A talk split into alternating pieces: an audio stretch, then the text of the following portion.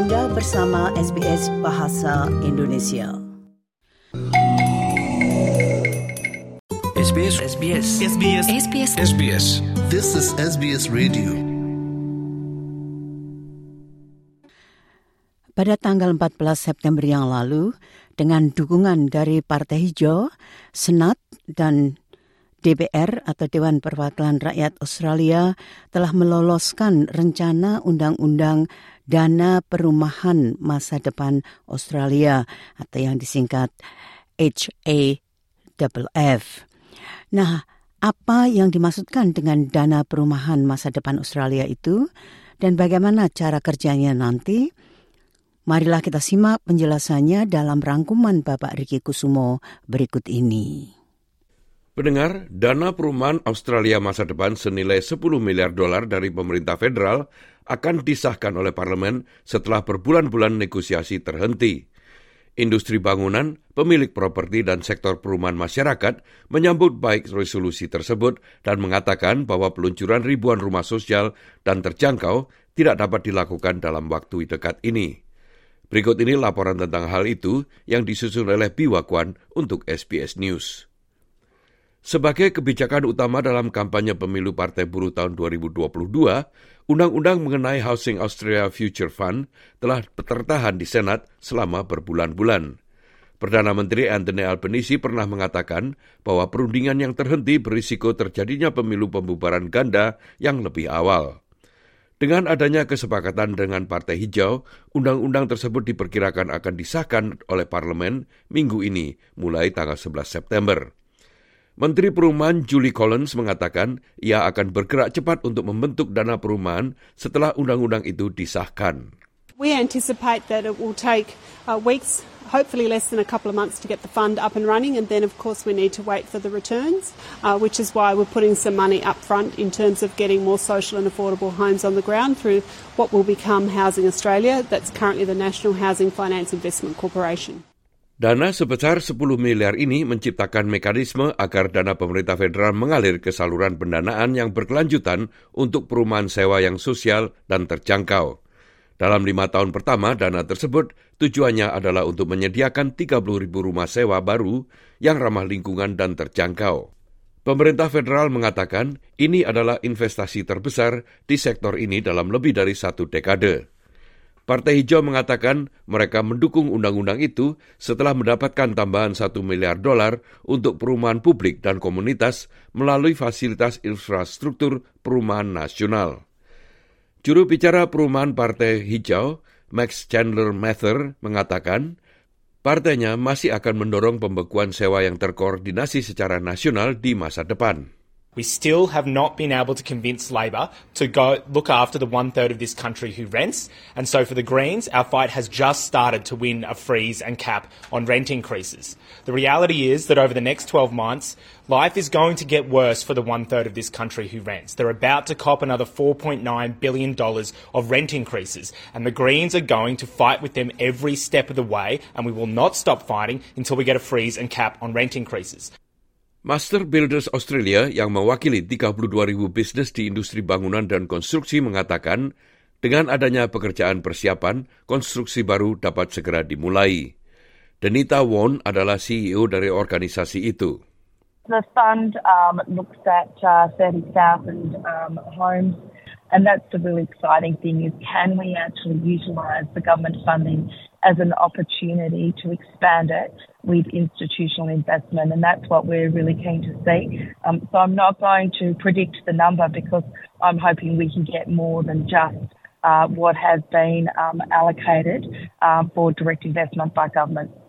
Namun, potensi penundaan dapat timbul karena keterbatasan pasokan bangunan dan pekerja. Ms. Won mengatakan ia berharap hambatan tersebut dapat diatasi. Supply um, is uh, certainly uh, dissipating in terms of those inflationary costs that we've been feeling over the last two years. Labour supply, we believe in the short term, will not be as acute simply because we're not going to build as many homes uh, in the next two years as we've done in the last two years. So we will um, have supply. Nevertheless, um, supply of uh, labour remains an issue, particularly as we ramp up the building of more homes from 2025 onwards. Property Council mengatakan mereka senang akhirnya memulai beberapa perencanaan konkret untuk membantu mewujudkan target baru untuk membangun 1,2 juta rumah pada tahun 2029 berdasarkan kesepakatan yang disetujui oleh para pemimpin federal, negara bagian dan teritori bulan lalu. Matthew Cadelars adalah kelompok eksekutif Dewan itu untuk kebijakan dan advokasi nasional.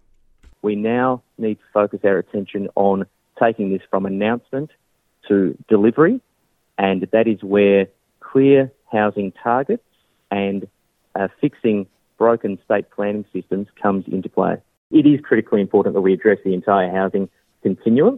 So, yes, the 30,000 new homes over the next five years is a start. It's a very important start, but it is one step to meeting the 1.2 million homes by 2029. CEO dari kelompok perumahan terjangkau National Shelter, Emma Greenhawk, mengatakan banyak warga Australia berpendapatan rendah akan mendapatkan manfaat dari 30 ribu rumah baru yang bersifat sosial dan terjangkau ini selama lima tahun ke depan. Namun, perlu ada lebih banyak rumah yang dibangun lagi untuk memenuhi kekurangan itu. It does include veterans, it does include, you know, First Nations people, it does include, you know, women escaping domestic violence, when we're talking about affordable housing, you know, we're sort of looking at a, a separate cohort of people who are on a low income, you know, and possibly working um, and can afford to pay that little bit more. So, so in terms of you know what we understand, it's predominantly social housing, so very low income, but there is that affordable housing component that sits in there as well. Wendy Hayhurst adalah CEO Asosiasi Industri Perumahan Komunitas.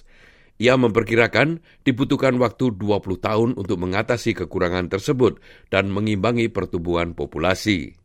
So at the moment, uh, the estimates that we have from looking at who was in mental stress um, during the 2021 census, it was 640,000 households.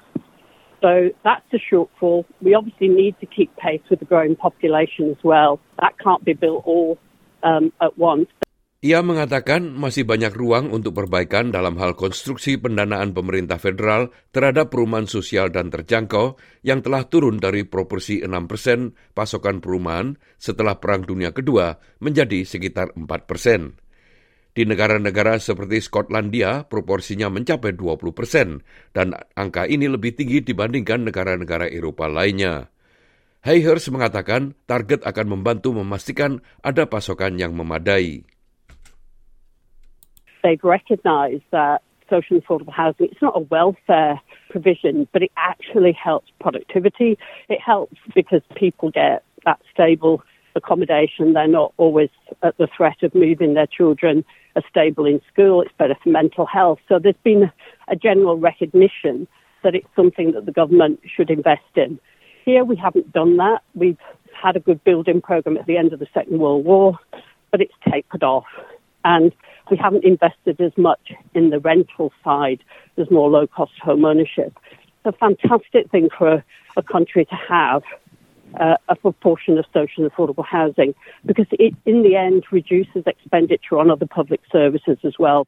Namun juru bicara oposisi dalam perumahan Michael Sukar mengatakan ia tidak mendukung dana baru tersebut dan ia ingin dana tersebut dimasukkan ke dalam fasilitas infrastruktur perumahan nasional untuk perumahan umum dan komunitas.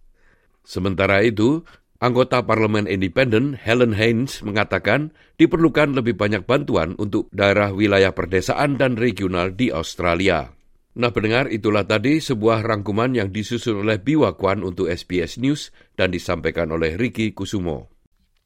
Nah itulah tadi rangkuman tentang dana perumahan masa depan Australia yang disampaikan oleh Bapak Ricky Kusumo.